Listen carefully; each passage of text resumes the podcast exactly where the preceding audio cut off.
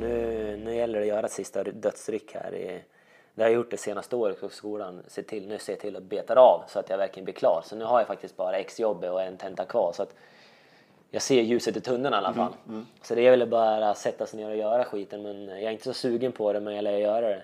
Och det är väl att jag inte är så sugen som gör att det är lite trögare att dra ur den där tummen. Så att eh, jag hoppas ju att eh, Ja, det är lite startgroparna där också. Och det har det varit i två år, så folk skrattar ju när man pratar om exjobbet liksom. Men vad fan ska man göra då?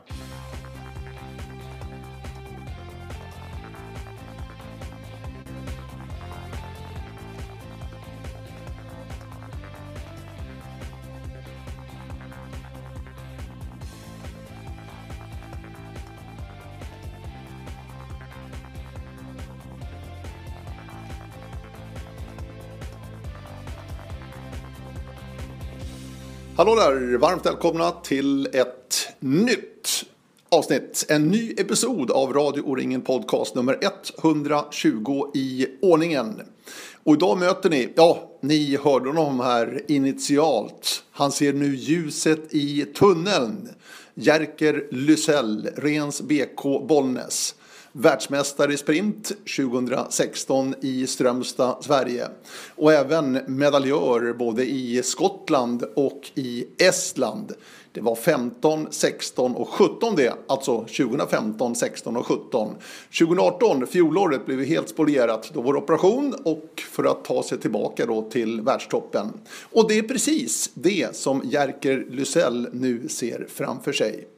Intressant vi har mött honom tidigare här i Radio O-ringen Podcast. Men nu efter de här skadeåren så är det intressant att höra hur han har jobbat för att ta sig tillbaka och verkligen inte ge upp. För tillbaka, det vill han verkligen. Vi har sett honom under våren redan. Han var ju först in på 10 milas första sträcka. Det här samtalet med Jerker förresten, det spelades in innan 10 mila så det pratar vi ingenting om. Men kul att se att Jerker är på gång igen. Han är också uttagen nu till världskuppen och första rundan för året 2019. Tävlingarna i Finland. Det ska bli kul att se vad Jerker Lysell kan göra. Så varmt välkomna alltså till ett nytt avsnitt av Radio O-ringen Podcast. Hör gärna av er. Radio oringen.se är adressen precis som vanligt. Jag åkte till Norrköping och eh, hittade upp till lägenheten där Jerker Lysell bor. Och min första fråga till Jerker var Hur mår du egentligen? Som en skadeskjuten räv. är det så? Nej, men jag har väl långt kvar till formtoppen, det har jag väl. Det är väl... Eh, jag har väl lite att jobba på om man säger så. Du, eh, VM-guld i Strömstad 2016. Mm. Sen tog du VM-brons i Tartu 2017. Mm. Du vann World Games 2017. Eh, de där åren lyckades du ändå på något sätt prestera trots tuffa skadeår då också. Ja, jag glömde ju tredjeplatsen året innan Strömstad också i Skottland. Ja, det stämmer när Jonas vann guldet. Ja, ja precis. Ja, men det var tre raka pallplatser. Ja, ja, men det är helt rätt, helt rätt Jerker. Nej, men du har ju en historik nu Jerker och man undrar ju lite grann hur du mår och hur du orkar ta dig igenom det här. För att du har ju inte gett upp din karriär. Nej, det var väl ett och ett halvt år sedan jag sprang eh, löpning hårt för senaste gången. Så att jag opererade mig i april här. Så att det har varit mycket strul och allting. Alla skador jag har de under åren tar ju, det är inte någon två månaders skador. Oftast är det ju ett års projekt till två års projekt jag håller på med varje gång jag är skadad. Så att, eh, det tar ju tid och tiden rullar ju på. Så att det, det känns ju konstigt att tänka tillbaka att det var ett, ett halvår sedan man tävlade på allvar. Eh, tidigare har det varit kanske mellan Strömstad och Estland så var det ett år tävlingsstopp. Men nu har jag faktiskt varit borta ett och ett halvt år. Och jag har ju inte ens sprungit en enda full, full tävling eller en intervall i löpning sen eh, ja, det var väl O-ringen där 2017 eller? Ja, där någonstans tror jag. Senast jag sprang på allvar, eller augusti, september därefter någonstans. Så att, eh, tiden går. Men eh, ja. In, innan det som man kommer tillbaks då var det väl att man visste väl att den kapacitet man har liksom gör att eh, jag har ju levt den här idrotten i, sen jag var liten grabb liksom och bestämde mig rätt tidigt.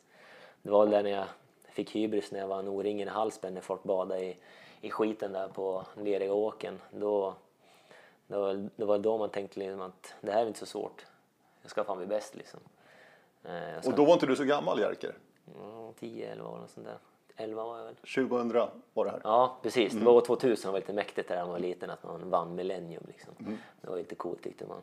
Nej, det var väl då jag Det bestämde betyder mycket för dig alltså, den segern. Ja, men det var då jag bestämde mig faktiskt ner där liksom att eh, fan jag ska bli bäst. Och så tänkte jag liksom att är jag bäst nu då är det inget problem att vara bäst senare liksom. Sen efter det så har väl orienteringen gått före allting annat. Ehm, efter det. Och det var ju inte bara att bli bäst, det var ju att bli bäst mer än bara en gång. Så jag har alltid haft den, in, in, äh, den inställningen att jag ska inte bara bli bäst liksom. Jag ska bli så pass bra jag kan och inte bara vinna en gång, vinna fler gånger. Men sen har man insett att efter tiden och sen tiden går så att det är ju det är svårare än man tror liksom. Eh, jag har inte varit så lycklig lottad med eh, kontinuerlig träning och skadefria perioder. Det är snart varit tvärtom.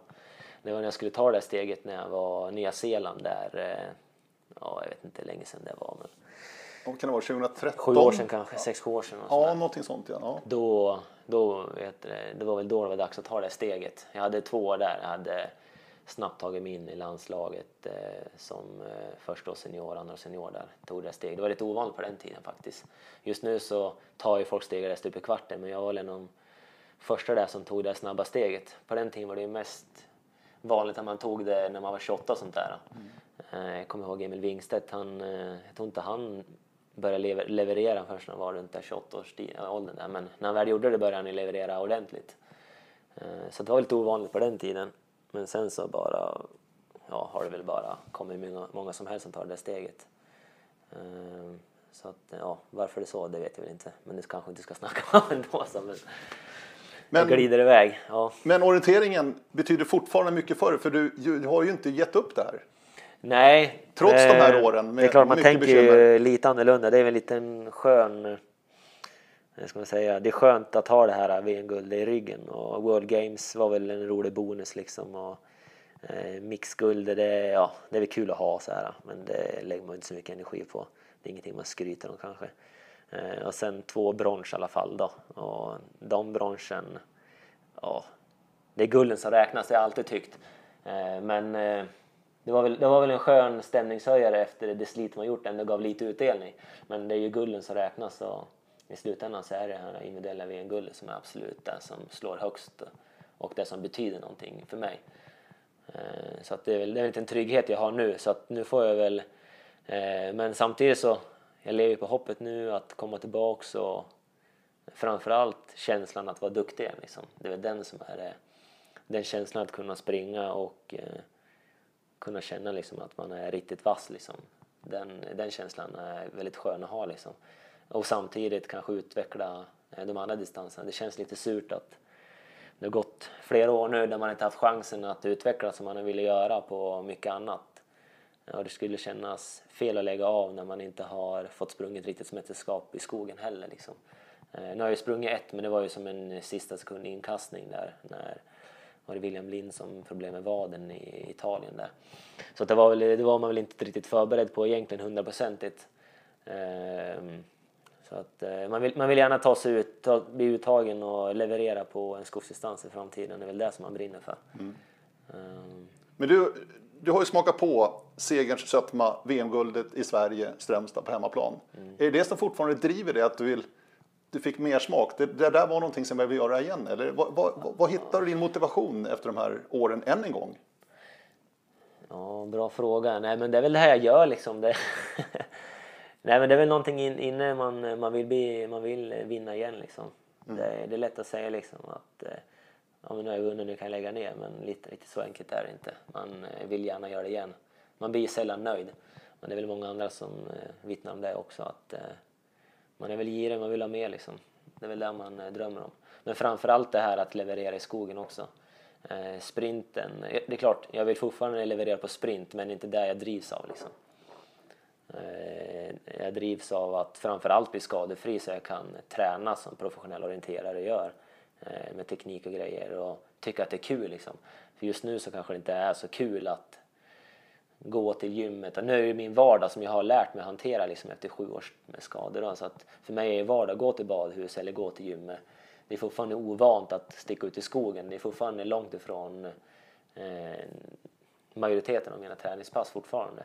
Eh, och jag har fortfarande inte sprungit något, något snabbt löpning på ett och ett halvt år ännu. Så att, eh, och tiden går ju liksom. Så att, eh, är det, det är väl det man vill framförallt ta sig tillbaks till. Att eh, kunna träna och känna sig hel och tycka att det är kul igen liksom. Men under de här, du säger sju åren då som du har haft skador till och från. Mm. Du måste ha haft några riktigt mörka perioder också, alltså djupt ner i källaren liksom känt nej, nu pallar inte jag det här längre alltså. Har du haft några sådana stunder, perioder? Det skulle nog vara lättare att det sker nu, men innan så hade jag inte det, för då, då var jag pass ung och dum kanske. jag vet inte, men när jag var 22-23 där och fick de första skadorna. Då, det som är bra med skador är att man vet ju inte hur länge skiten sitter i. Så att, eh, då börjar man med stressfakturen där och sen så fick man jobba sig vidare och sen tar det lite längre tid man tog, eller tar, eller vad man trodde liksom och sen går veckorna. Eh, skulle man veta innan vilket helvete skulle vara då, då skulle det ju vara kännas lite tröttsamt eller ledsamt. Men eh, nej, jag har inte hunnit känna det än egentligen. Eh, än så länge så har det ju varit, det ändå, även om det har varit långa tider av eh, skador på samma sak så har det ändå bytts ut lite grann. Först var det stressfraktur och sen var det någon närkläm i benet och sen vadproblemen har varit långvariga, och gissel i vaden, något gubbvadsliknande i båda och sen så har det ju varit knät nu då ett par år, det började väl i Strömstad där innan faktiskt. Um, så det är mycket som sitter kvar men det är ändå, man lever ändå på hoppet och sen kommer en operation och sånt där och sen har vaderna fått vila nu i ett och ett halvt år och kanske de mår bättre. Och, så att, är det alltid någonting nytt så det är väl det som har varit att man har eh, fått, ja, le, man, man lever på hoppet liksom. Men eh, det är klart, eh, skulle det ske så att knät inte fungerar så bra den här säsongen och vaden kukar ur fullständigt och då, då kommer jag nog ta en rejäl funderare men Eh, min eh, förhoppning är att det ska fungera och att jag kan hålla på i åtminstone 6 år till. Liksom. Så att, um, ja. Du har ändå passerat en och annan läkare, en och annan behandling, en och annan operation också. Ja. Vad är din erfarenhet av den medicinska stöttningen du har haft då? För du har ju varit med i landslaget i princip hela tiden, Jerker. Ja, alltså vi har ju väldigt bra i landslaget, bra stöttning där med eh, medicinsk Eh, Eh, expertis och naprapater och eh, diverse resurspersoner. Det har varit bra och, eh, och även så att de kan skicka en till rätt personer liksom på undersökning och grejer så att jag har fått bra hjälp så att få reda på saker och, men i slutändan så jag är lite både och. Jag tycker man behöver både och. Man behöver, det jag har lärt mig framförallt är att man måste lyssna på sig själv. Den som vet mest om sin egen kropp det är ju faktiskt ja, den enskilde individen liksom, som har koll på läget. Eh, att eh, det är det viktigaste när man pratar upptrappning, man pratar käns känslan i kroppen liksom. Eh, för ingen annan kan säga liksom att ja, det ser bra ut på någonting och sen så, men det är bara att köra liksom. Så att då lär man ändå fundera lite själv. Samtidigt så har jag även upplevt att eh, folk kan tycka att det är onödigt kanske om man gör massor med undersökningar och grejer. Att, eh, för det, liksom, men för mig har det varit väldigt bra att kunna utesluta saker och ibland så är det faktiskt saker man missar som även de duktiga missar liksom som eh, ja, som man efter en tid inser att man fan jag skulle titta det där väldigt i ett tidigt stadium så hade jag fått reda på det tidigare. Så att, eh, men eh, ja. Men är det är många jag haft förtroende för som har kanske misslyckats någon gång men även som har eh, men jag, jag liksom jag klamrar inte någon ändå för det. Liksom jag, jag, man, man kan liksom ha fel och man kan, vad heter det, det är inte alltid lättaste att veta saker. Liksom. Så jag är både för massor med undersökningar och också för att man själv ska fundera över sin egen tillvaro och eh, hur kroppen mår. Liksom. Mm. Så att det är lite både och där. Men är du sån som eh, lyssnar på läkaren eller, eller vem du nu är i den medicinska apparaten här som ja, säger att nu får du inte springa på två veckor. Lyssna på mig nu. Ja, eh, om, Tar du till om, det då? Eller, säger att nu eller känner du efter en vecka att ah, det här känns bra, jag kör? Ja, men oftast är det ju så att de säger att har du en stressfraktur så är det liksom en klassisk, ja men då vet man att stressfrakturen mellan fotben är fem, det, det är ungefär åtta veckor innan upptrappningen. Då gör man ingenting. Och då gör ju ingenting på de åtta veckorna. Sen så har du upptrappning då, sen finns det alltid folk som kanske tycker att ja, det har gått för fort fram och där tycker det har eh, har saker att säga till om liksom. Men eh, vad heter det? Ja, jag känner min kropp bäst själv liksom. Jag tycker att jag har faktiskt gjort det jag kan liksom. Och, eh, jag vet att folk inte håller med om det men då kan de väl dra åt helvete då tänkte jag säga. Nej, men det är väldigt många som har åsikter. Eh, som kommer fram och säger liksom att nu är det dags att ta det lugnt. Liksom där. Men, Det är så alltså? Ja, nu, var det, nu, nu är det mer folk som frågar var fan jag håller hus någonstans. Liksom, vart, vad är det som händer? Får vi se det något mer? Liksom? För nu var borta pass länge. Liksom. Eh, med min hjärna så är det ju fortfarande 100% orientering givetvis. Eh, men eh, nej, det är, mycket, det är mycket folk som vill tycka om saker och ting. Och både folk långt ifrån en och nära som har lite åsikter hit och dit. Och, så är det, men så är det alltid. Men det bryr dig inte speciellt mycket? Nej, det är mest... Eh, det, ja, vad ska man göra? Man försöker väl hålla min och bara lyssna liksom och sen in, innerst inne tänker man bara liksom fuck you liksom. Sköt dig själv liksom. Det är väl den nivån. Men det är klart, man måste ju lära sig lyssna också. Även eh, expertis som eh, de i landslaget och eh, de man är på sjukhus och grejer, de som doktorer och sådär, de, klart jag lyssnar på dem. De är ju där av en anledning, liksom, är duktiga liksom. Men jag vet att det finns ju klåpare där också som är dåliga liksom. Det är som vilken idrott som helst. Det yrket också. Eh, bara för att du är en eh, läkare eller en doktor så betyder det inte att du är duktig liksom. Så att, eh, ja, man kan ju själv googla vad saker och ting och lära sig också. Så jag har lärt, lärt mig väldigt mycket på det här sättet och viset. Att jag har koll liksom. Men eh, ja, ibland så ska man ju trycka på, ibland ska man ta det väldigt lugnt och grejer. Men i min värld så har det ju nästan allting tagit mycket längre tid än vad det gör liksom. Oavsett om jag har gått på på rätt hårt eller inte hårt och grejer. Och ibland har det funkat och ibland har det inte funkat. sådär. Så att det är väldigt komplex kroppen liksom. Så att det det är väldigt rätt att säga vad som är rätt och fel. Men eh, ja, Jag är ändå det, väldigt är- det är imponerad. väldigt svårt att hitta liksom, en bra kombination. Liksom, även fast jag har så mycket skador. Ja, jag är imponerad av det, att du ändå har fokuset framåt och ser att ja, jag ska komma tillbaka. Du nämnde, du sa det eh, i förbifarten här för en stund sedan, att eh, du ser det som en professionell orienterare. Men hur, hur har det varit? Jag tänker ekonomiskt framför allt, när du inte har kunnat tävla, prestera, som ändå är viktigt då i den, om man ska vara en professionell orienterare. Hur, hur har det fungerat för dig, Jerker? Oftast har det, det är ju i orientering så om det inte heter Tove Alexandersson då så har det kanske lite lättare liksom. Hon har folk som hjälper henne. Men oss andra har ju, det är klart att det är tufft liksom. Det är inte något heltidsjobb, eh, inkomst liksom. Men det är många bäckar små, alltid. Det är lite från landslaget och det är väldigt mycket från klubben som ställer upp riktigt bra. Eh, Min modersklubb Rens BK då, som jag varit trogen i alla år. Eh, Och vad heter det? Och sen så har du egna sponsorer då. Och sen har jag haft en stipendium, RF-stipendier då. Nu blev jag ju Rövknullat på det senaste stipendiet och eh, nu fick jag inte det längre. Men annars har jag haft det mycket liksom. Det är ingenting jag prenumererar på men jag var lite besviken att jag inte fick det. Det är 50 000 skattefritt så att det, det har jag ju fått ja, ett antal gånger. Så att eh, nu var det dags för andra att få det. Så att eh, nej, det, det, är mycket, det är mycket sånt som gör att det håller runt liksom. Och, eh, men eh, de senaste åren har det, när man inte har synts så mycket, då är det ju faktiskt tuffare också. Det Ja, tar, det är det det jag tar emot liksom. Jag är inte den personen som gärna ringer och frågar om sponsring heller. Jag, det tycker jag är det värsta tänkbara liksom att ringa och hej jag heter Jerker Lisell, jag är orienterare, vill du ge mig lite pengar? Ja men typ, det är liksom det värsta som finns och sen funderar man, "Ja, vad kan vi göra, vad kan du göra åt oss då liksom? Ja. Ja, då lär man hitta på något bra liksom. Men det, det, det är tufft liksom oavsett. Det är jag inte ensam om heller liksom. Så att eh, de kommer ju inte bara på... Det är ingen som kommer till mig och säger att jag vill sponsra liksom. Så, så har det nästan aldrig varit liksom. Eh, Men i mitt fall så kan jag väl säga att det är ju klubben framför allt som stöttar mig ordentligt. Och det är jag väldigt tacksam för. Och det tycker jag att klubbarna har som lite skyldighet också runt om i Sverige att stötta de som verkligen satsar och visa för de som kommer nerifrån liksom att här, det går liksom ja, det går att satsa helhjärtat på orientering och få det stöd man kan liksom. Och det är en liten skyldighet från klubben tycker jag liksom. Och, men även, jag är även väldigt tacksam att de tar det beslutet liksom och hjälper till liksom. Eh, men för vem skulle annars folk kunna se upp till eller kunna, kunna satsa liksom? Eh, annars är orienterarna rätt vi är jävligt bra utbildade och vi jobbar väldigt ideellt men vi är jävligt snåla liksom. Inte en jävel ska tjäna en krona liksom.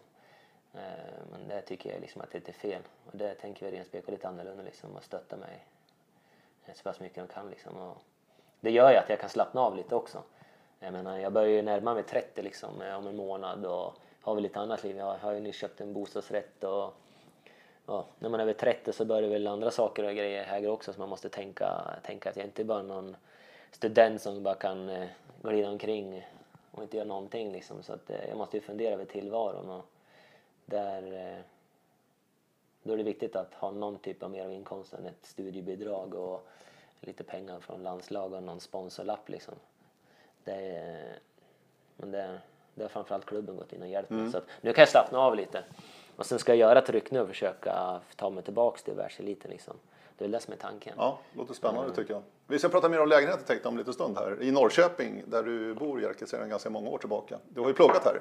Ja, Eller pluggar fortfarande rättare Ja, sagt. Du är inte klar än. Du blir ju aldrig klar. nej, det är väl så. nej, man är väl lite hjärndöd där. Det är, det är lite att få tummen ur där också. Eh, Men än så länge så har jag brunnit för orienteringen liksom. Jag har haft svårt att ta tag i annat än eh, det, jag- det jag brinner för liksom. Ehm, Men nu, nu gäller det att göra ett sista dödsryck här. I, det har jag gjort det senaste året på skolan. Se till, nu ser jag till att beta av så att jag verkligen blir klar. Så nu har jag faktiskt bara exjobb och en tenta kvar. Så att jag ser ljuset i tunneln i alla fall. Så det är väl bara att sätta sig ner och göra skiten. Men jag är inte så sugen på det, men jag lär göra det. Och det är väl att jag inte är så sugen som gör att det är lite trögare att dra ur den där tummen. Så att eh, jag hoppas ju att eh, Ja, och det är till startgroparna där också. Och det har det varit i två år, så folk skrattar ju när man pratar om exjobbet liksom. Men vad fan ska man göra då? Byggnadsingenjör ska du bli. Ja, precis. Ja.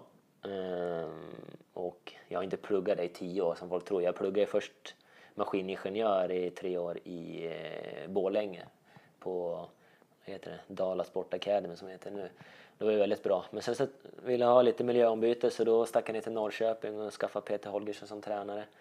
Och då kunde jag inte tillgodoräkna någonting hit så då började jag med byggnadsingenjör istället för jag ville plugga i Norrköping.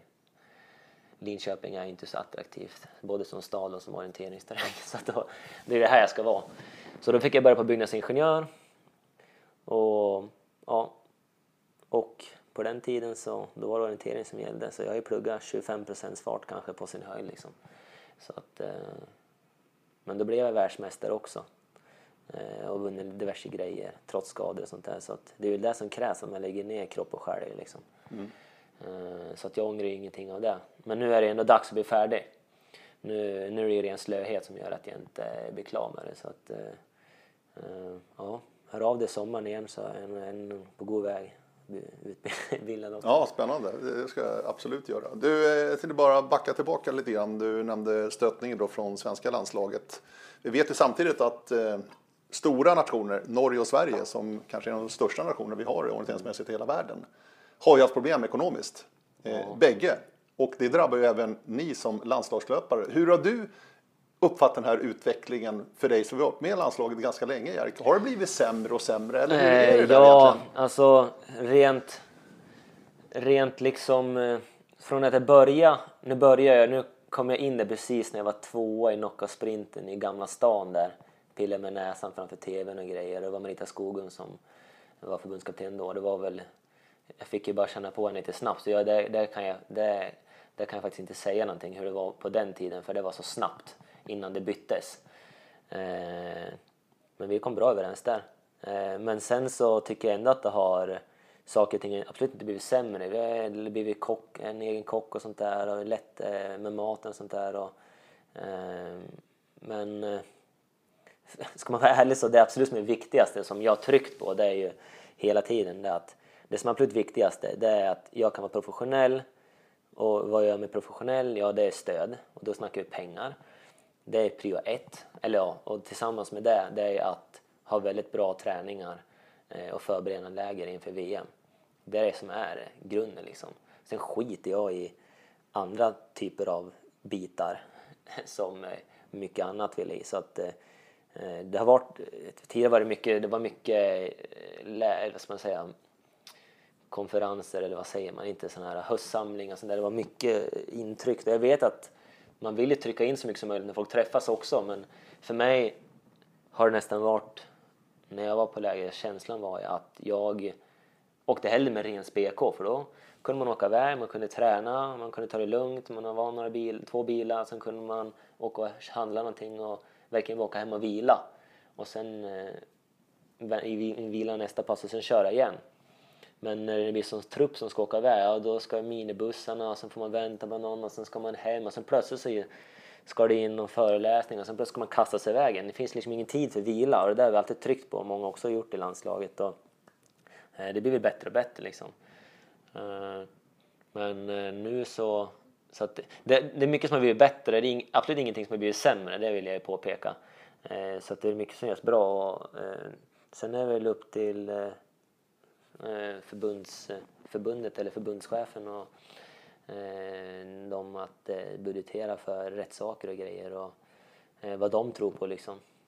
Eh, det jag vet i år det är väl att eh, vi vill ju verkligen ha kvar Shoshu och eh, ha kvar han för att nu har jag inte varit med så mycket men det lilla jag har sett eh, och pratat med Shoshu så har man ju sett väldigt en markant eh, skillnad i kvaliteten på träningspassen. Han, han är ju den han är liksom och han går ju in lika hårt som han gjorde för sin individuella karriär på sitt jobb nu. Så att eh, kvaliteten på träningen är ökat avsevärt och det är liksom, ja det är riktigt hög nivå. Och det vill ju vi löpare givetvis behålla.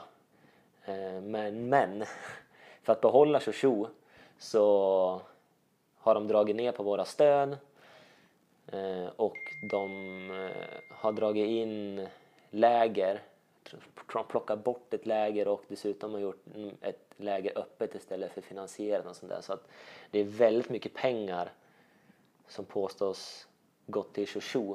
Sen, sen kan inte jag sätta in mig exakt i detalj vad, vad saker budgeteras till och grejer men jag tycker man skulle kunna hitta en, en, en, en både och där. Men det är, det är, det, är väl, det är väl mycket i budgeten och grejer som ska gå runt liksom och eh, i, vad heter det, i landslaget där. Eh, och det är väl upp, eh, nu är det ju så mycket omorganisation överhuvudtaget. Eh, Susse, Håkan och Shoshu och alla runt omkring där ska väl eh, ska ju budgeteras och sådana saker. Men det, det, det man kan säga är väl att de största problemen och missnöjena det sker av en dålig ekonomi liksom. Som det gör med allt. Samhället och allt liksom. Det, så fort det, ja, man vill gärna hitta någon syndabock liksom. Att det funkar men i grunden så är det väl att förbundet har svårt att få in sponsorer för landslaget. Eh, och varför är det så då? Nej, men sen kan, jag, jag, kan inte säga var, om det är att är styrelsen som eh, ger oss för lite pengar till landslaget att eh, heter det, bedriva vår verksamhet på högsta nivå eller om det är budgeten som läggs fel eller något sånt där. Det kan inte egentligen jag svara på 100 procent. Eh, det har inte jag papper upplagt på exakt siffror och grejer. Eh, men eh, det är lite synd för när, jag började då fick jag ju höra något då. Jag hade ju David Andersson och det var precis där på Jenny Lundqvist tid när hon la av där precis när hon kom in i landslaget och de försökte få kvar henne fast de kanske trevade lite och kanske inte ville hålla på längre. Då var det väl 100 000 ett år där i, i vad heter det, i bidrag från landslaget. Sen har det där sjunkit sakta hela tiden. Sen var det ner på 50-60 där och grejer. Sen de senaste har det varit 40, men i år så blev det 15 000. Och 40 till 15 är en jävla skillnad. Eh, majoriteten har väl fått, ja, de, av de som har levererat ordentligt har väl haft 40 000 de senaste åren. Jag vet inte hur öppen man ska vara med det här, men skit i samma. Det är för den nivån ekonomin från landslaget har varit. Men då är det en tydlig försämring. Ja, men den har sjunkit till 15 år. Och vad jag har förstått så har det med Shoshu att göra. Att för att behålla Shoshu så var vi tvungna att ner på annat. Så att behålla Shoshu, det var bekostnad på oss löpare. Men eh, jag ville garanterat behålla Shoshu oavsett, min, eh, oavsett om jag blir 25 000 fattig eller inte. Men det är, det är viktiga pengar för att kunna satsa och eh, dra ner, alltså, ja, fokusera på rätt uppgift. Liksom. Eh, jag, jag, jag, har ju mat och hyra som alla andra att betala. Liksom, så att, eh, det är klart att det är en käftsmäll. Och, ja, jag vet inte vad de sysslar med, sponsringen och eh, vad allting går men det är någonting som inte fungerar i alla fall. Eh, jag vet att det är en tuff, tuff uppgift eh, att fixa in pengar och sådana saker. Men, ja. Men om du försöker se orienteringen i ett litet utanförsperspektiv då. Tv-mässigt så är det ju inte speciellt mycket som visas på tv. Nej. Från orientering. Nej. Det är ju VM i princip. Ja.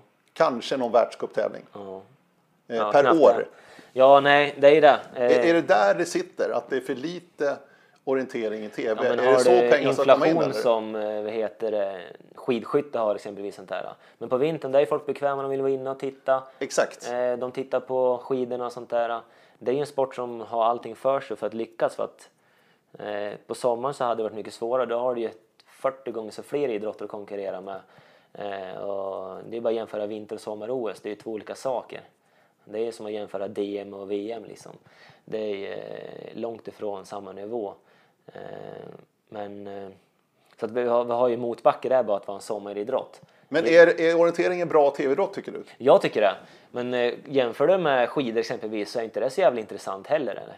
Kolla på någon eh, sprint. Du menar längdskidor nu alltså? Ja, precis. Ja, mm. eh, ja, sprint exempelvis. Så intressant är det inte att titta på en världscup från, eh, kan det vara Dresden eller inte vet jag vart de håller på. Mm. Någon eh, sprint liksom. Så jävla kul är det ju inte. Någon drar staven och sen är det samma visa igen och sen. Det, det är intressant tycker jag, VM liksom. Men det där vinterstudien har ju ballat fullständigt och jag tycker, jag tycker själv att det är kul att titta på ibland liksom. Eh, men har man så lätt för sig att få tv-tid då det är klart att det är lättare och folk känner igen en, folk har någon att heja på.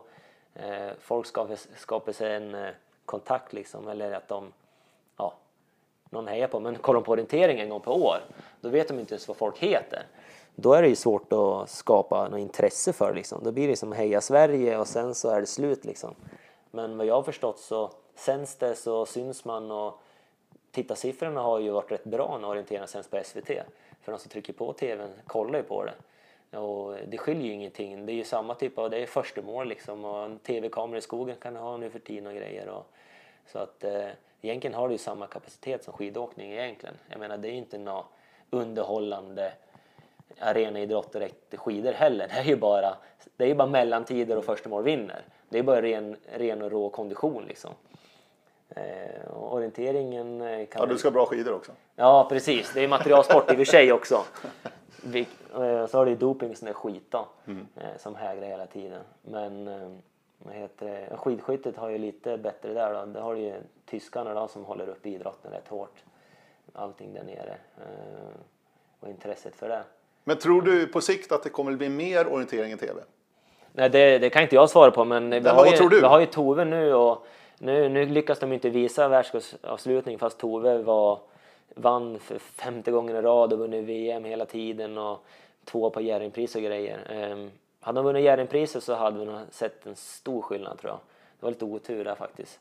Um, eller otur, otur. Men uh, hon blev tvåa där och grejer och det är hon som kan göra väldigt, väldigt mycket för idrotten. Och så är det ju. Nu har ju vi andra får inte så mycket uppmärksamhet men vi heter det, jag tror ju ändå om det ska lyckas så är det genom Tove liksom som är så pass överlägsen. Och då kan vi få in tv-idrott, få in att SVT sänder eh, diverse grejer. Då, då kommer det, men det gäller att de, de i alla fall sänder världscupsavslutningen och sänder VM och kanske till och med vet jag, gör O-ringen till en världscup eller någonting och sänder den på tv och grejer och alltså gör en liten grej av det och då, då plötsligt så kommer det vara en helt annan sak liksom. Eh, folk vet ju allmänt vad, som idrottsintresserade i Sverige, vet vem Tove är men de vet ju ingenting mer om orientering. Det, jag vet inte hur förhandlingarna går där liksom men där har SVT ett ansvar också tycker jag eh, att göra någonting. Du, eh, ett bra exempel är när du vann guldet i Strömstad, VM 2016. Ja, Då sände ju SVT, ja. hade studio plats. Var det någonting du märkte att det vart ännu mer pådrag liksom för dig personligen efter det där guldloppet där i Strömstad? Ja, alltså, man blev väl igenkänd på något tåg där. Någon, någon, gång att- ja, det var lite ståhej där liksom och sådana saker om man ser till allmänheten. Liksom. Man, mycket icke-orienterare som hörde av sig och folk som man känner, som känner någon som känner någon som jag hörde att hade tittat på det och tyckte att det var intressant. Och det här med GPS är faktiskt intressant för folk. att det är en plupp. Alla kan förstå att de ska hitta till den där jävla kontrollen in i ringen liksom. Och bommar de så skriker de liksom, fan du springer ju fel liksom. Fast de inte har en aning vad orientering är egentligen. Så att jag tror att det där, det där är inget problem egentligen. Och, och SVT är ju den kanal man ska synas i. Eh, och eh, det är klart Men då att- 2016, kändes, kändes det bra för dig också att få den där Ja, uppmärksamheten? ja, visst gjorde det det. Det är väl bra. Allt är, jag menar, jag, jag, jag behöver inte den för mitt eget ego egentligen, men jag vet att det är viktigt för min egen eh, satsning och grejer att det ska synas liksom. Och eh, det är klart, har det Jakob Hård och eh, som är en av Sveriges bästa, eller han är väl Sveriges bästa liksom, vad säger man, kommentator, expert liksom. Så att han, eh, han är väldigt duktig, han gör ju allting väldigt, väldigt bra liksom, och är ju påläst. Eh, då, då har man ju möjlighet att göra någonting bra av det. Eh, sen kan inte jag svara på varför de inte fortsatte sen och varför det är TV4 enligt ena året och varför det är SVT något år och varför det bara VM. Det är inte mitt uppdrag att se till. Ja, det är de som är anställda på förbundet eller IOF att styra upp det ordentligt liksom. Eh, sen, ja, ingen aning. Något, något, någon gör inte sitt jobb i alla fall, så kan man ju tycka. Byggnadsingenjör skulle du bli alltså. Stämmer bra det. Eh, sitter du alltså i lägenhet, när flyttade ni hit? Det var inte så länge sedan. Nej, det var ett år sedan nu Ett snart. år sedan, det är så pass. 11 månader sedan kanske. Ja, jättefin lägenhet här i Norrköping alltså. Där du har fixat ganska mycket själv eller? Ja, förutom, Fick du- förutom att bära in grejerna. Jag opererade mig det samtidigt som jag flyttade så jag fick ju hjälp av halva stan där. Ja, det var ju bra det, för det är ju ingen hiss i huset, utan ni bor högst upp. Nej, precis. Så jag krypit runt där och jag har väl både slipat golv och bytt golvsocklar, eh, dörrfoder och tavellister och strömbrytare och... Men det hade inte så mycket med din utbildning att göra egentligen va? Nej, men jag har väl lite... Alltså det, det som genomsyrar det är väl att jag är liksom... Det är väl en hjärnskada från morsan liksom att eh, allting måste vara perfekt liksom. Ja. Att jag har ju legat med huvudet jag, en millimeter från listen och slipar ordentligt liksom. Det här är inte något fusk, fuskjobb. Jag kan inte... Jag kan liksom inte... Jag kan, sitter jag här och tittar liksom och så är det någonting som inte är perfekt då måste jag åtgärda, det, eh, åtgärda liksom. Så att, eh, det har ju tagit tid liksom men eh, det blir jävligt fint i alla fall. Så. Eh, ja, det är mycket som gjorts, äh, gjorts nytt. Det, Du trivs i Norrköping? ja, ja. Har, känner du dig mer som Norrköpingsbo nu? Ja, men det blev ju mer när man, eh, när man köper lägenhet. Innan det så var det ju mer att man var här för stunden liksom. Nu har jag köpt lägenhet, nu är det något 50-50 liksom. Nu känner man sig. Det var så länge sedan jag bodde i Bollnäs också. Jag är snart 30 och jag flyttade hemifrån innan gymnasiet. Så att, eh, jag har ju bott mer än mitt halva liv på annan ort än Bollnäs liksom. Så det är alltid kul att komma hem men samtidigt så just nu så bor jag här liksom. Nu har jag en bostadsrätt liksom. Jag tror att från hyresrätt till bostadsrätt där gick väl liksom gränsen att det känns mer som hemma här liksom. Sen får man ju se vart man tar sig men än så, än så länge så har jag ingen anledning att flytta och sånt där. Och, um, Du, hur tänker du annars då? Om, du nu blir klar med utbildningen här med exjobb och sista tentan som du pratar om. ja. Börjar du fundera i banorna att jag kanske behöver ett jobb eller jag kanske vill jobba för att komma ut? ja, nej det är som du säger, det är inte bara att jag behöver ett jobb. Jag vill ju börja jobba också. Ja, det är så alltså? Ja, jag är sugen på att börja jobba. Ja, du är det alltså? Ja. Eh, Vad ser du framför dig då liksom, jobbmässigt? Ja, det är så många vägar man kan gå när det gäller byggnadsingenjör. Eh, Jag säger inte att jag behöver jobba bara som byggnadsingenjör heller. Det kan vara vad som helst. Det kan vara inom orientering också. Eh, Det absolut viktigaste är att eh, man eh, som insett är väl att det är någonting man väldigt trivs med. Och tycker man att någonting är kul då är det bra mycket enklare att trivas med det liksom och jobba. Så jag kommer inte ta åt mig någonting jag inte tycker är kul liksom. Men jobba måste jag göra. Jag Och vill du göra det, Ja, jag vill också göra det. Jag menar, jag kan inte eventuellt hålla på till 38 och inte ha haft ett jobb. Jag måste börja jobba. Jag drar inte in miljoner som eh, vissa andra gör på min idrott. Så att, eh, Inte så många orienterare som gör det. nej, det är ju inte det. Så att jag måste måste tänka de banorna. Men jag ser faktiskt, jag är trött på att bara sitta hemma också och vänta och rulla tummarna. Så att jag vill ju börja jobba.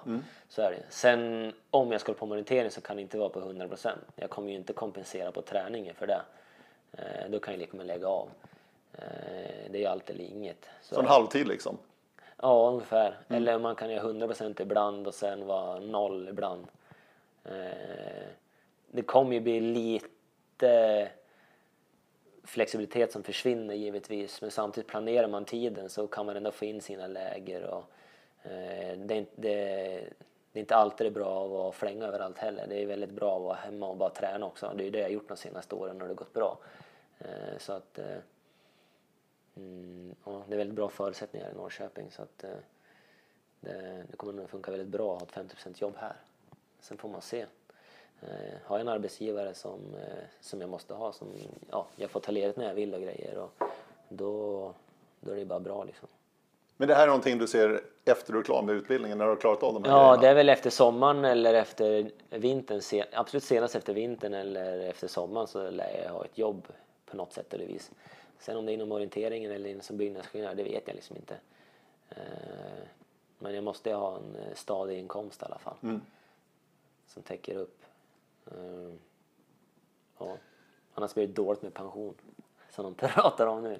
Det blir det också. Det har du ju alldeles Ja. rätt i. Du, eh, 2019 som sagt var. Vad, vad, ser du framför dig i år för dig? Tävlingsmässigt, att du kan vara uppe på nivå här under året. Vad, ser du framför dig? Vanligaste frågan är väl först hur går det och eh, hur blir det nu då när sprinten inte går varje år? Det är ju den vanligaste frågan. För nu är det skogs-VM i år i Ja, Norge. exakt. Men då kan man ju vända på det och säga liksom, ja, eh, varför tror du att jag har sprungit O-ringen, eh, världscuper och tävlingar i 20 års tid och i skogen för om jag inte bara hade brytt mig om sprint liksom. Så att hade jag varit ren sprinter då hade jag ju då hade jag varit mer friidrottare och kört eh, den träningen. Men eh, jag har ju de senaste sju åren faktiskt har jag ju tränat väldigt, väldigt mycket skog. Jag har väl rört banan fyra, fem gånger på fem, sex år kanske. Eh, och, eh, Beror det på skador och grejer? Att Ja, det, precis. det är Det, det, det beror ju också på givetvis. Eh, och sen har ju sprinten varit när jag tagit tillbaks till för att jag har ju fått valt att fokusera på en sak efter att ha tagit sig tillbaka. Jag, kan ju, jag har väl sprungit fem tävlingar på tre år kanske. Så att det är ju, det har ju mycket energi tagit tillbaka på sprinten men rent träningsmässigt så har det varit faktiskt mer skogsträning än sprintträning. Sen har jag väl haft farten ändå liksom. Eh, eh, för sprinten för att lyckas ändå. Men eh, mitt mål har ju alltid varit sen där i Nya Zeeland att nu, nu ska jag ta det här näst, nästa steg liksom. Stänga av telefon ska man ju och, Ja, någon som ringde från Tunisien så det var inte så jävla allvarligt. Ringer fan hela tiden. Men eh, vad du säger alltså, VM i Norge då i slutet på augusti månad, det, det är inte helt otänkbart alltså? Nej, alltså sen är det väl... Du vill vara med eh? Det är väl det som är målet. Sen självklart så först och främst ska jag bli skadefri, kunna träna och bli bättre och sen så har jag ju eh, har det ju flera andra i samma situation som eh, tänker likadant så att eh, eh, det är en tuff, en tuff uppgift men man, mm, man lär ju försöka liksom. Eh, sen får vi se om eh, det nästa år jag är tillbaka på allvar, om det är år eller om det är en vecka kvar eller om det är sådär. Så att eh, det får tiden utvisa liksom. Men eh, jag gör ju allt vad jag kan varje dag för att bli bättre liksom. Sen eh, är det jävligt svårt att säga om när, när jag är tillräckligt bra. Det är en lång väg tillbaks. Men, men självklart. just nu idag, kan du träna liksom som du vill? Nej, det kan jag inte. Du kan inte det? Nej, nej, nej. nej. Det är som sagt tidigare, jag har inte sprungit... Jag har, inte, jag har sprungit en tävling i år och den sprang jag inte fullt. Den småsprang jag runt i Det var i Turkiet. Turkiet. Jag har väl samma mål nu i helgen i Portugal, eh, landslagsläger ska åka på nu imorgon. Eh, att eh, springa dem, flytta på tempo liksom. Eh, hoppas att kunna anpassa sig så pass bra snart så att jag kan höja farten liksom. Och eh, ja, jag, får jag igång mängden och sen blir så att jag kan bli så jag kommer igång med den, då blir jag godtagare för intervallerna sen. Eh, och hoppas att eh, knä börjar och, och vaderna börjar hänga med liksom. Eh, så att det behöver inte vara långt kvar, men så fort jag kan börja springa intervaller då vet jag att formen kommer komma snabbt. Eh, men än så länge så är jag väl där på någon, ja, ska vi ta mig över den där kullen i alla fall för att eh, ta det här lilla snäppet. Eh, för att bli lite bättre. Just nu så är det långt kvar till formtoppen men ja. Men du, eh, sprint är ju ingen VM-distans i år. Det är ju nästa år då det blir ett sprint-VM i Danmark Mm. 2020. Innebär det också att sprint kan du liksom lägga helt och hållet? Nu är det skogen du fokuserar på. Jag tror inte, alltså det är klart, är det någon världscup och sprint sådär och eh, knäna är bra liksom kan jag mycket väl tänka mig springa en sprint liksom men eh, Så du mår inte dåligt då att det är hårdare underlag och sånt här, utan om kroppen är där så, så, så funkar det också? ja då funkar det men eh, det är absolut ingenting jag kommer dra en chansning på eller Nej. springa eh, eller träna på överhuvudtaget. Så att eh, jag kommer, det kan mycket väl hända att om jag blir uttagen till världscuper och sånt där att jag springer bara skogsdistanserna. Och Mm. sådana saker. Det, ja, det kan bli för tufft annars. Det är helt på hur saker och ting känns Mm. liksom. För det, är, det som är bra med, med sprintträning också det är att det gynnar varandra lite det där. Att jag, jag kan inte bara springa skogen två gånger om dagen om jag blir hel 100% heller. För det, det gör en jävligt seg också. Jag behöver den här farten. Intervaller och I- fartträning ja, alltså. precis. Jag behöver den explositeten och den snabbheten för att bli snabb i skog också. Så att, eh, jag var väl en av de bättre i skog när jag var som bäst på sprint också. Eh, men eh, så den, den, träningen behövs ju för att bli riktigt vass i skogen.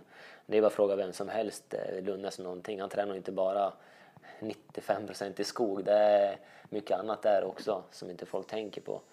Eh, Så att, nej, det, det, det krävs ju också att jag är, är, mottagare för sån träning också för att lyckas i skogen. Ja. Men fokus i huvudet kommer ju ligga på skogen 100% liksom. Och det har jag gjort egentligen i många, många år. Fast man kanske inte ser det som att jag bara har kommit tillbaka till sprinten liksom. Eh, beslutet tog sig för ett par år sedan, men vad, vad tycker du om att det blir nu skogs-VM ett år, sprint-VM ett annat år? Ja, Den uppdelningen som nu Alltså- är ett faktum ju. Jag har, det är mycket inom orientering jag har inte orkat brytt mig om som jag har bara brytt om mig själv liksom. Eh, som händer liksom. Men eh, rent spontant på din fråga så är det, känner jag väl kanske att det är lite både och. Det är väl bra för konkurrensen att, att det är varannat år för då kommer fler satsa på skogen det här året. Fler kommer satsa på sprinten nästa år liksom. Så att, Konkurrensen blir bättre. Ja, jag tror kon- konkurrensen på respektive distans kommer bli hårdare. Plus att det blir varannat år det delas ut så att det kanske kommer betyda lite mer för oss löpare så. Sen tror jag att för själva mästerskapets skull så tror jag att det är, det är ett steg bakåt när det gäller eh, mästerskapen blir mindre, det blir mindre folk, mindre intresse. Du är tror det? Ja, jag tror, jag tror det. Eh, Det är så pass få distanser liksom. Det är bara att kolla nu på skid-VM och skidskytte-VM som slår igång idag. Liksom, att det är ju, det är, nästan varje dag så är det någonting i två veckors tid som skapar intresse. Folk hinner liksom, oj fan är det skid-VM? Är det nu liksom? Är det skidskytte-VM nu liksom? Då, eh, folk har koll liksom. Men är det tävlingen död efter fyra dagar, eller mästerskapet, då hinner ju folk knappt förstå att det är någonting som har hänt liksom. Men positivt eh, för dig då kan vara om du är hel och fräsch att det tillkommer ju en sprintdistans. Ja, nästa år ja. ett guld till att springa om så att säga. En, en knockout-sprint på något Ja, sätt. så är det. Det är bra att den är annorlunda, det är det ju. Sen, eh, så är jag riktigt dålig koll. Jag vet att de hade något test i Schweiz där i fjol, va? Var det Schweiz? De hade en knockout-sprint. Mm, I eh, Tjeckien. Ja, ja Tjeckien kanske det var. Ja, Tjeckien, såg det. Så gick de in och kollade på någon sträcka innan tävlingen. Innan de startade så fick de välja A, B eller C antar jag. Och Mm. så fick de den gafflingen sen på sin karta. Och jag är lite skeptisk till det där. Det känns ju lite... Men jag tror inte det är bestämt riktigt än. Exakt Nej, format. precis. Men det, det, enda de jag har hört, olika. det enda jag hört är liksom att Runners choice är ju det. Ja, precis. De diskuterar. Det jag tycker är lite fånigt är väl det här eh, grunden och problemet är väl alla gubb, gubbar som sitter kvar som inte är uppväxt med sprint som sitter och diskuterar hur saker och ting ska vara. Eh, jag vet inte om du klassas som gubbe med. Det gör jag säkert. Nej, men skitsamma. Nej, men där man hör liksom att det, Ja, nu har de testat det här Runner Choice i Schweiz liksom. Ja, där är det bara någon lokal skittävling där det är någon nobody som har testat konceptet. Så säger de att det är bra. Ja, nu ska vi testa på världscupen. Ja, men det är väl bra. Och, och sen så känns som att man vill köra på någon skitidé som man testar en gång för att någon säger att det är bra och sen kör man på den idén. Nu är ingenting eh, spikat än. Så har man kört Nort i flera, flera år och kört knockout sprint gång på gång. Ett koncept som har fungerat och ändå varit helt okej tycker jag. Och plötsligt så ska man försöka hitta en annan bana. Man är så... Eh, den här diskussionen att man ska försöka hitta distanser som är intressant för en... Eh, alltså, det känns som att det får inte vara för mycket på löparens bekostnad. Mm. Vad heter det, distanserna heller för medias skull. För ärligt För talat. tvs skull ska man nog säga. Ja, för tvs skull. För när man kollar på, jag hängde inte med en sekund på tv-sändningen från Tjeckien på den här Runner Choice. Det var bara en gröt av prickar och kontroller överallt. Fattar inte ett skit kan jag säga. Nej. då är det mycket bättre att ha en rak bana och en, eh, en vanlig sprintbana. Eh, då, då ser man fan vad som händer. Eh, så att jag, jag, jag, gillar inte det att man ska välja, jag, jag, förstår att man vill ha den här spridningen och att man ska försöka tänka med sitt eget hu, lilla huvud på sprinten. Eh, Men du får alltså, du har 10 sekunder på dig ja. att välja A, ja. B eller C-varianten. Men det blir, som ett, det blir som ett nytt konstigt moment som är bara jävligt lustigt tycker jag, som inte är enkelt. Det känns så oprofessionellt och mm. eh, oseriöst förslag. Sen eh, då tycker jag en rak bana är mycket, mycket bättre förslag. Sen vet jag inte vad de andra förslagen är. Samtidigt så gillar jag inte... Nej, det finns ju tre huvudförslag. Nej. Det är runner choice. Ja. Eller så är det en raka, som du säger, ja. som vi körde i norrt, både Gamla stan och Sigtuna. Ja. Och sen är det ju en gaffling, typ fjäril alltså.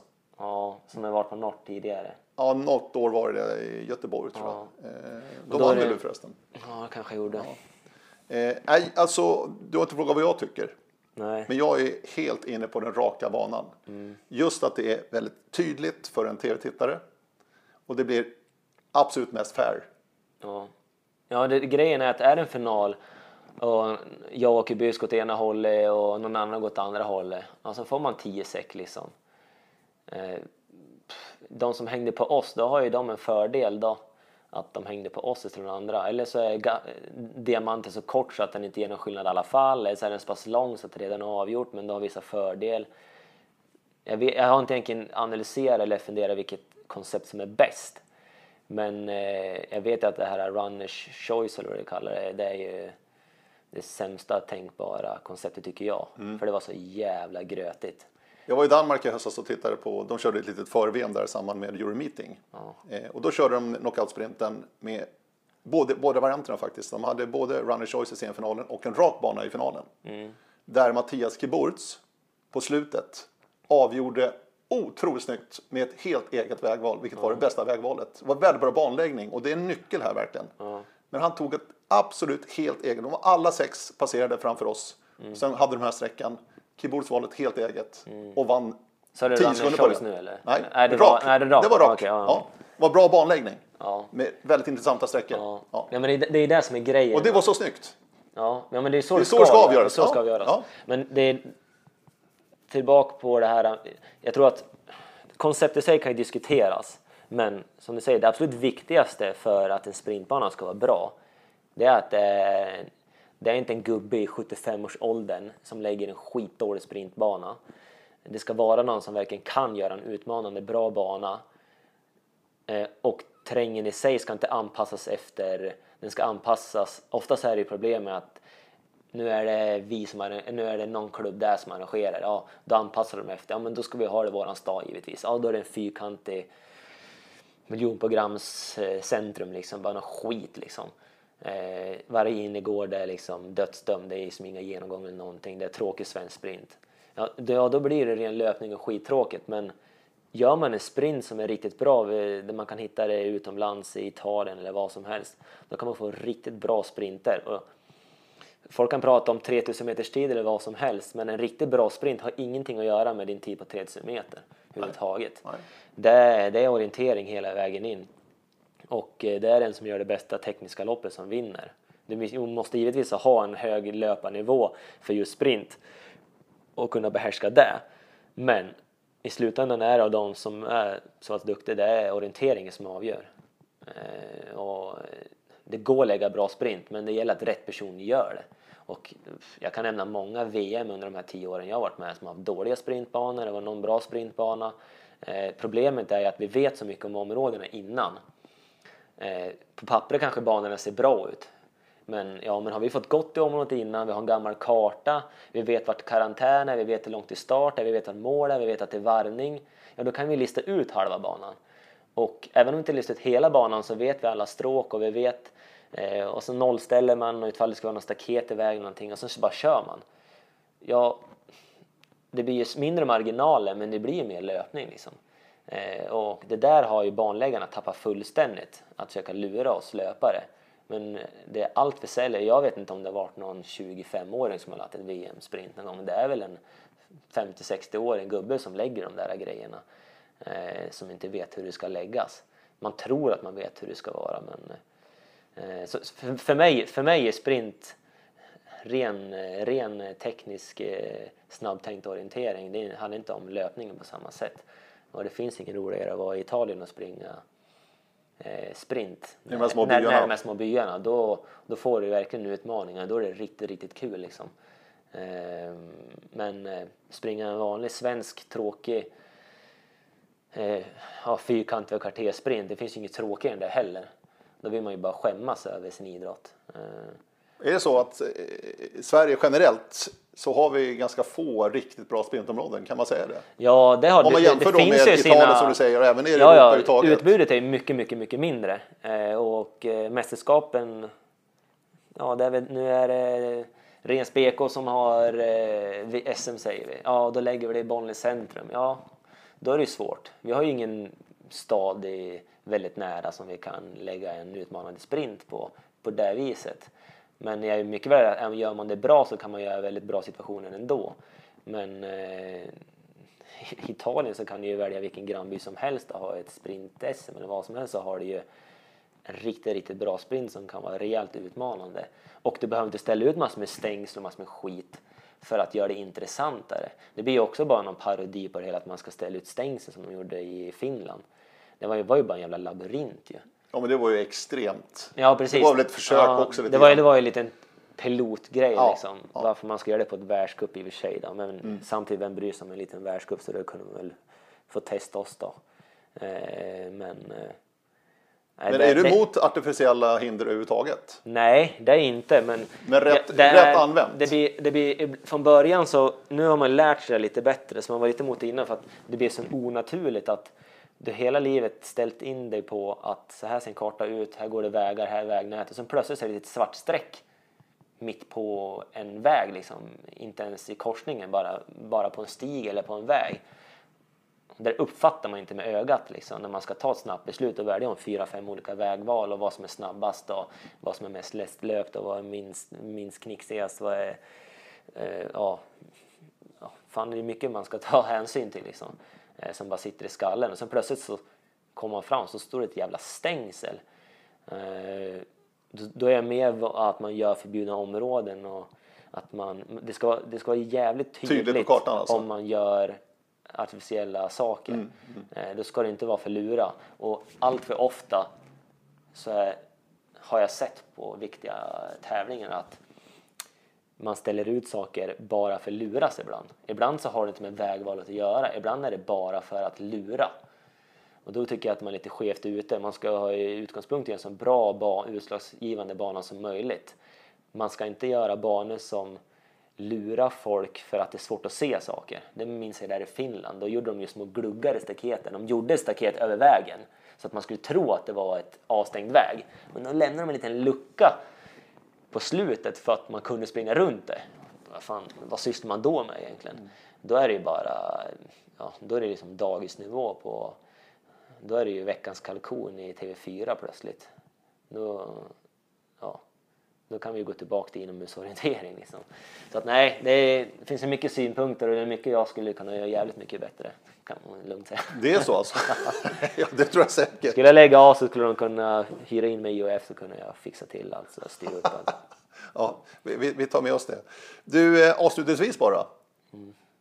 O-ringen går här i. Norrköping, Ja. Kolmården, i sommar. Vad, vad tänker du om det? Ja, det var väl länge sedan det beslutet togs så det, det, det kom ju allt närmare och det har alltid varit ett stort mål liksom att ha varit med på. Jag vill ju gärna vara med och leverera på hemmaplan. Ehm, så att... Är det ser- någonting du ser fram emot? Ja, ja, för fan. Det, det vill jag. Ehm, så ja, är det bara hoppas att jag kommer igång ordentligt så att man kan vara här och leverera så man slipper skämmas. Så att, eh, Områden har ju varit avlysta ganska länge, skogsområdena, Ja. så att där har inte ni tränat någonting. Men vad väntar deltagarna, Jerker? Vad skulle du säga? Vad ska man förvänta sig? Bra fråga. Det är väl Grossvad, Yxbacken och sprinten här för eliten inne i industrilandskapet. Och Grossvad är väl samma område i 10 mila för ett par år sedan. 2010? Ja, 10, det är 9 år sedan. Där har väl inte varit så mycket sedan dess, om jag inte minns fel. Kanske någon träning för jävligt länge sedan. Eh, och ja, bra fråga hur det ser ut där. Det, jag vet inte mer än någon som har sprungit 10 mil Nej, liksom, nej. eh, att, eh, hur det ser ut där. Och sen är det Yxbacken då.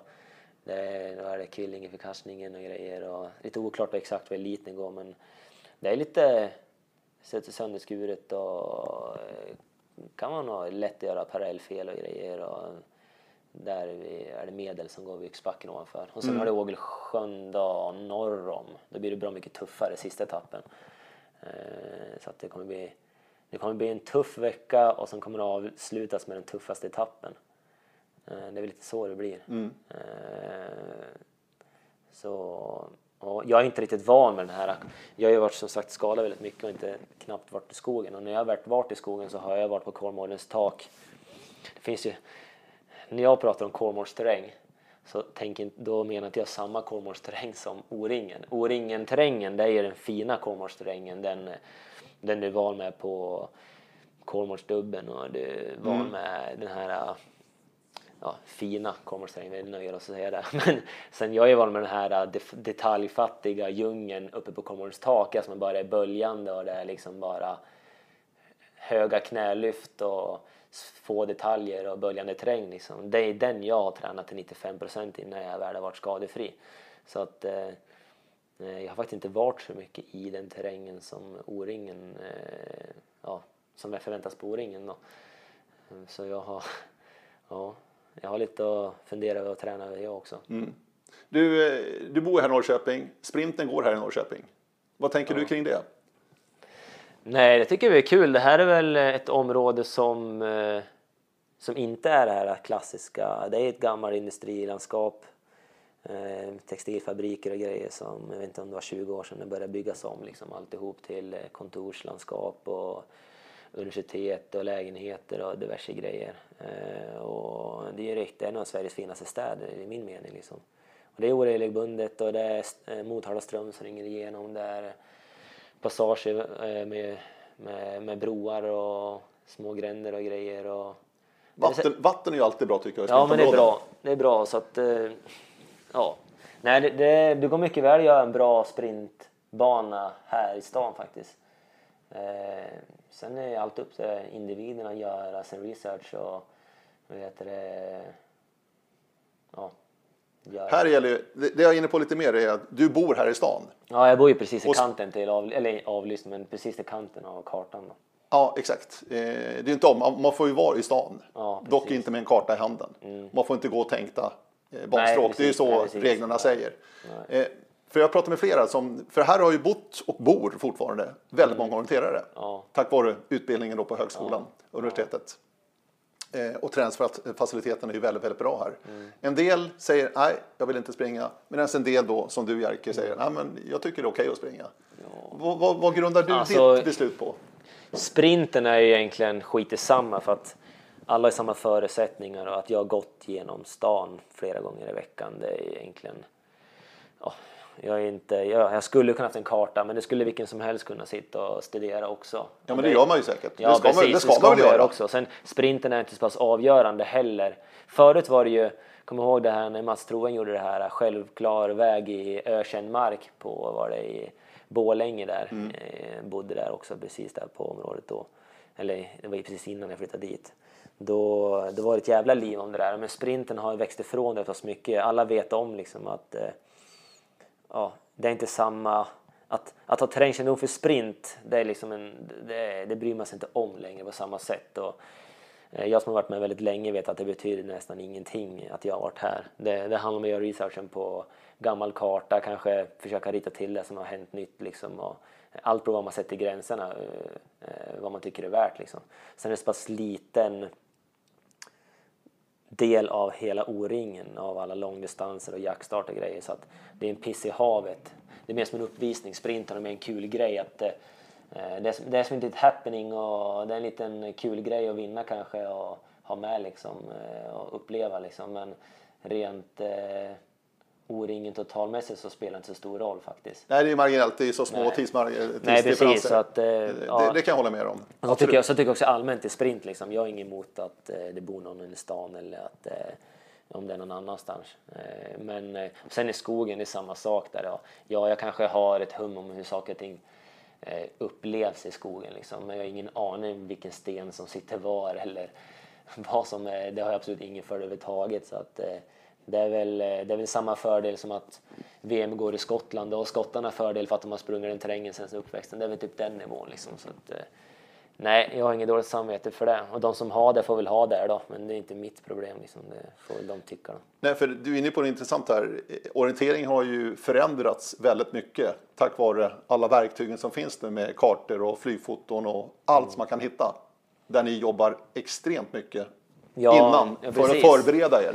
Och det gäller inte bara sprint. Nej, det gäller även i skogen för. För du kan ju Ja. få, alltså i, nu med allt lasermaterial som finns också. Mm. Eh, öppet i Finland, kommer bli öppet i Sverige också. Jag menar, det går ju att bygga allting i dagens läge. Det är en annan idrott egentligen. Ja, visst gör det det. Och sprinten är väl den som är svårast för, den största utmaningen för banläggaren att försöka lura eh, och sprintlöpare liksom att eh, hur vi förbereder oss liksom. Det gäller att tänka som vi löpare gör för att försöka luras på bästa möjliga sätt liksom. Eh, Det tycker jag väl kanske att Strömstad lyckas rätt bra. Det lades i starten på ett ställe vi inte hade räknat med. Och då har man ändå lyckats där i alla fall. Sen de övriga, eh, allting annat, eller st- sträckorna gick inte som vi hade tänkt oss heller. Men det var liksom, de gjorde det jävligt bra för eh, tanke på vilket grundmaterial man hade. Sen kan man tycka vad som helst om det i efterhand, så här, men jag, jag tyckte det var riktigt bra gjort. Eh, de gjorde det väldigt bra förutsättningarna. Ett annat exempel åt andra hållet då, det är ju Venedig. Ja. Där danskarna var väldigt lyckosamma och hade ju jobbat extremt mycket i det här området. Hade ju tagit fram en egen karta till och med. Ja, precis. Det var inte rätt. Det var väl. Det började väl där kanske Trondheim började jag, när jag kom in. Då började det väl kännas där. Det var eh, Wingstedt och Martin Johansson och, och sen hakade jag på det där. De, de slutade ju rätt. Han slutade i Wingstedt samma år och Martin Johansson la ju av där innan Frankrike där. Så att eh, det var ju. Fick jag väl ta över det lite där. Men vad lärde de dig? Menar Nej, men det var väl det här att jämföra sträckor och gamla kartan och sitta i okad och mäta och grejer. Där var det fem meter kortare, är det värt att gå runt sånt där? Okej, vi kommer säkert upp i borgen. Okej, vad finns det för möjliga sträckor att ta sig dit upp? Vad finns det för passager? Man tar sig upp där på stigen där eller springer man runt vägen där? Eh, det var väl där det började liksom. Eh, och då minns jag väl att eh, norrmännen hade väl en bra grundkarta där liksom innan också. Eh, de som bodde där liksom hade koll på läget. Och då satte de ett stängsel också i och för sig till första kontrollen. Eh, men i alla fall så det, det var väl där det började riktigt. Så att egentligen var vi svenskarna, jag, jag, kan ju inte tala för mig själv så här, men känslan var ju att vi svenskarna nöd, nördade ner oss rätt snabbt. Men sen så exploderade det där och sen nu eh, tio år senare, så, eller åtta år senare så kör väl alla alla vet om vad som krävs liksom. Och det är, det är lite baksidan av orientering. Jag gillar inte egentligen det här nörderiet egentligen. Jag tycker att det, det är lite tråkigt att det, det, man måste göra det men det är lite nördigt och lite tråkigt att det krävs liksom. Därför gillar jag områden som kanske är, som är avlyssna, eller avstängda och inte finns något grundmaterial till. Ungefär som i Sotkamo när vi sprang i Finland och grejer. Men finns det sådana ställen? Nej, det är det som är problemet. att det, det är svårt att hitta. Ja, exakt. Eh, sam, jag vill in, samtidigt så vill jag att man ska försöka hitta sådana områden och man ska inte förstöra massor med stängsel. Jag, jag gillar ju att man kommer till en stad och så ska man springa sprinter den stan som den är uppbyggd liksom. Man utgår från förutsättningarna stan ger en och så gör man bästa av situationen. Jag tycker, eh, ska man slänga ett stängsel och skit då kan man ju lägga den på en öppen åker istället och göra en labyrint av det. Så, eh, jag tycker liksom att eh, det tycker jag är charmen liksom att man ska springa den stan man är liksom i, som den är. Det tycker jag är liksom charmen i det hela. Sen så, ja. Du, eh, avslutningsvis. När blir fortsatt Helmer för dig i Sverige tror du? Den här säsongen? Ja, det blir väl Silva League Grums antar jag. Ja. Sen eh, exakt vad, vi kommer från Norge där om jag inte är helt fel, eh, från landslagsläger. Mm, inför hösten. Oklart om vi får betala eller inte, kanske får betala över dagens ekonomi, jag vet inte. Ingen aning. Nej, det är väl det som är, natt kommer jag inte springa för det är mest stiglöpning och eh, sådana saker på det. Så att det skiter jag i. Och sen, eh, Så Swedish League i Värmland helt ja enkelt. precis. Jag kommer springa nu i två tävlingar i, heter i Portugal, i Neum då. Eh, men eh, annars så är det ju svenska tävlingarna är ju faktiskt Silver League i Grums då. Och då hoppas jag i alla fall kan vara med och springa, göra det bästa jag kan liksom. Sen, ja, jag, jag kommer inte vara igång ordentligt då egentligen heller, men efter det så hoppas jag verkligen att jag kan komma igång ordentligt och vara i riktigt bra form runt 10 mil och efter det. Det är väl det som är förhoppningen. Det beror helt på när jag kan sätta igång intervallerna och börja trycka på lite och allting känns bra. Eh, nu gäller det bara att knä ska hinna anpassa sig och grejer. Och som sagt, allting ser bra ut på ultraljud och grejer. Slemsäck mår bra, patellasena mår bra. Eh, men eh, ja. Och du mår bra? Ja, för, förhållandevis så mår jag bra. det är bra. Nej, det är det som är planen i alla fall. Lite läge nu och sen tävlingen i Grums. Sen får vi se vad som händer. Mm. Jag tar en vecka i taget. Du, jag hoppas verkligen, jag önskar lycka till verkligen Jerker. Jag hoppas få se dig på, ute i skogarna och på tävlingarna här under året. Tack snälla för besöket. Ja, tack själv. I härlig lägenhet här i Norrköping. Hör gärna av er, radio. Vi säger tack och bock för idag. Hej då!